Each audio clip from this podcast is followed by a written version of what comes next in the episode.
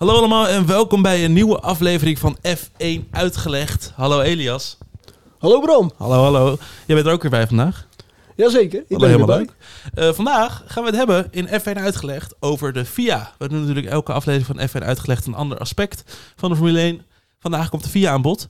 Hier zouden we het uren over kunnen hebben, Ja, maar dat gaan we niet doen. Tenminste, het doel om daar niet al te lang over te hebben. We gaan proberen, het is een doel aan onszelf om het kort en bondig te houden. oeh, dat is wel een uitdaging. hoor. Ja, dan gaan we beginnen al bij ons social rondje. Kort en bondig. Kort maar krachtig. Voordat we gaan beginnen, waar kunnen ze ons volgen? Facebook, LinkedIn, Twitter en Instagram en Spotify. En zo is dat. Laten we beginnen.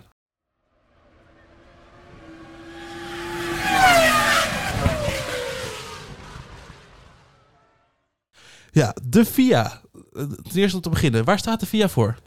Federation Internationaal Automobiel. Nou, alsof je uit Frankrijk komt.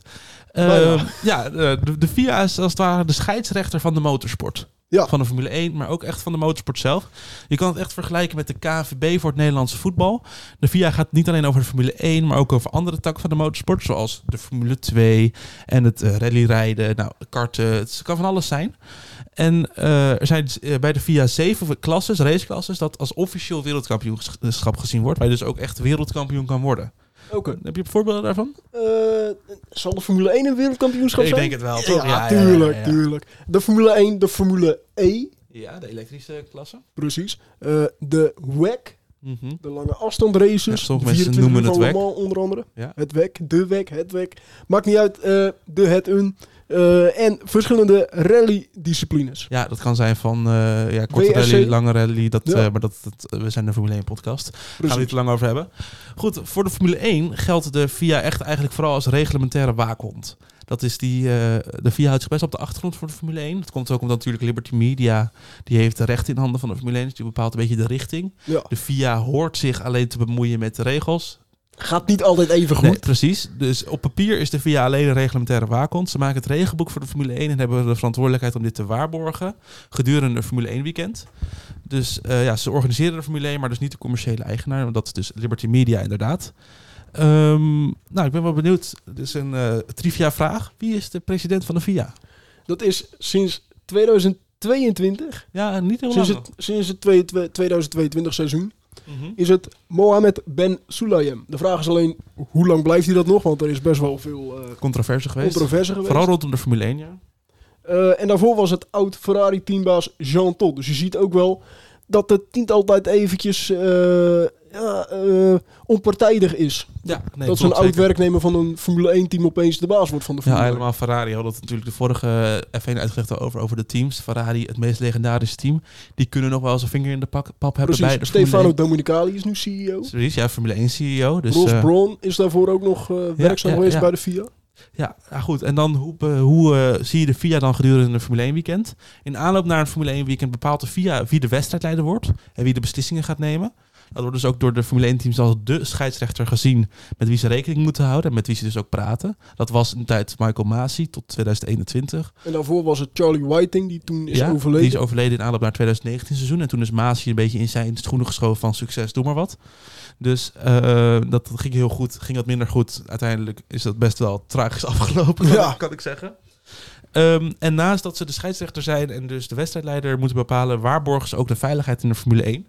En dat doen ze als voorbeeld. 2018 werd de Halo geïntroduceerd. ja, Naar aanleiding van de crash met eh Jules, Jules Bianchi. Bianchi, ja. Die belandde onder een takelwagen. En dat, in Japan was in dat in, Japan was dat- 2014. ja, dus dat is- heeft nog vier jaar geduurd voordat de Halo werd geïntroduceerd. En dat is dus echt gewoon puur en alleen om de coureurs te beschermen in harde crashes en botsingen. Ja, meer dan dat, logisch. dat is al vaak gebeurd. Ja. En eh, al die dingen en al die regels die ze verzinnen, die, die zijn ergens terug te vinden. Want de VIA heeft daar iets voor. Ja, Ik geef hem aan jou. een regelboek. Een regelboek. Precies. En er zijn eh, twee regelboeken in de eh, Formule 1 Mhm. van de FIA. Ten eerste de technische reglementen. Eh, daar staan ook de veiligheidsmaatregelen in, zoals voor de Halo. Ja. De teams ontwerpen dus elk jaar hun auto op basis van die technische reglementen. Maar zoeken toch soms ook wel eens eventjes eh, voor wat eh, ja, mazen in die ja wet. en ze, oefenen loopholes. Dat je natuurlijk met een tassysteem bij Mercedes op een gegeven moment. En eh is altijd wel... Altijd een beetje grijs gebied. Flexibele Ja. vleugels natuurlijk twee jaar geleden. Het is altijd wel ergens dat het team denkt van... Nou, misschien kan ik hier net omheen. Ja. Maar goed, dat gaat niet altijd even goed. Precies, we hebben dat vaker gezien. Dan Ja. werden teams toch nog gestraft. Soms was dat niet helemaal duidelijk. Hè? Ferrari in, na 2019 met Mhm. die illegale motor tussen Ja. haakjes. Ja, nee, en als, het, als we er wel gewoon open en eerlijk over zijn, dan is het vaak dat het eh, resulteert in een disqualificatie. Hebben we wel eens gezien bij het Haas in eh, Monza, met de vloer die niet helemaal volgens de reglementen was. En dan werden ze gedisqualificeerd. Ja. Als het niet klopt volgens de regels, dan is dat eh, in ieder geval bij de technische reglementen vaak wel direct een disqualificatie. Dan heb je daarnaast ook nog de sportieve reglementen. Ja, En daarin staan de dingen zoals de manier waarop geraced wordt, een beetje die driver conduct, eh, wat getolereerd wordt in het race met elkaar. Wanneer je recht hebt op ruimte, wanneer je een coureur van de baan mag duwen, wanneer dat niet mag. Mag natuurlijk in principe sowieso niet, maar er staat wel in van dat je geen rekening hoeft te houden met een coureur in bepaalde situaties.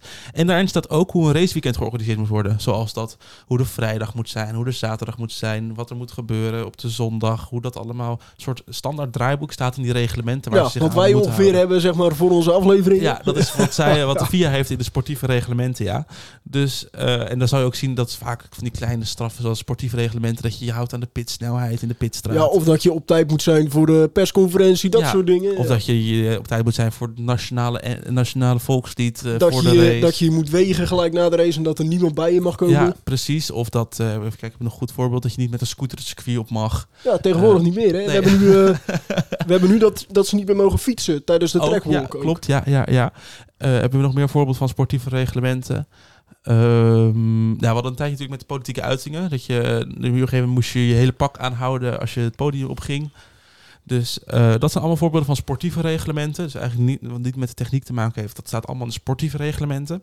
En daar is dus een overtreding, de overtreding daarvan is nooit zo streng als bij de technische reglementen. Goed, dan de samenwerking tussen de FIA en de F1. Ja, en hier kunnen we het heel lang over hebben. Heel, dat, dat, heel, is, heel dat is wel eens beter gegaan. Dat is, eh, ja, ze maken echt wel fouten, toch wel de FIA regelmatig.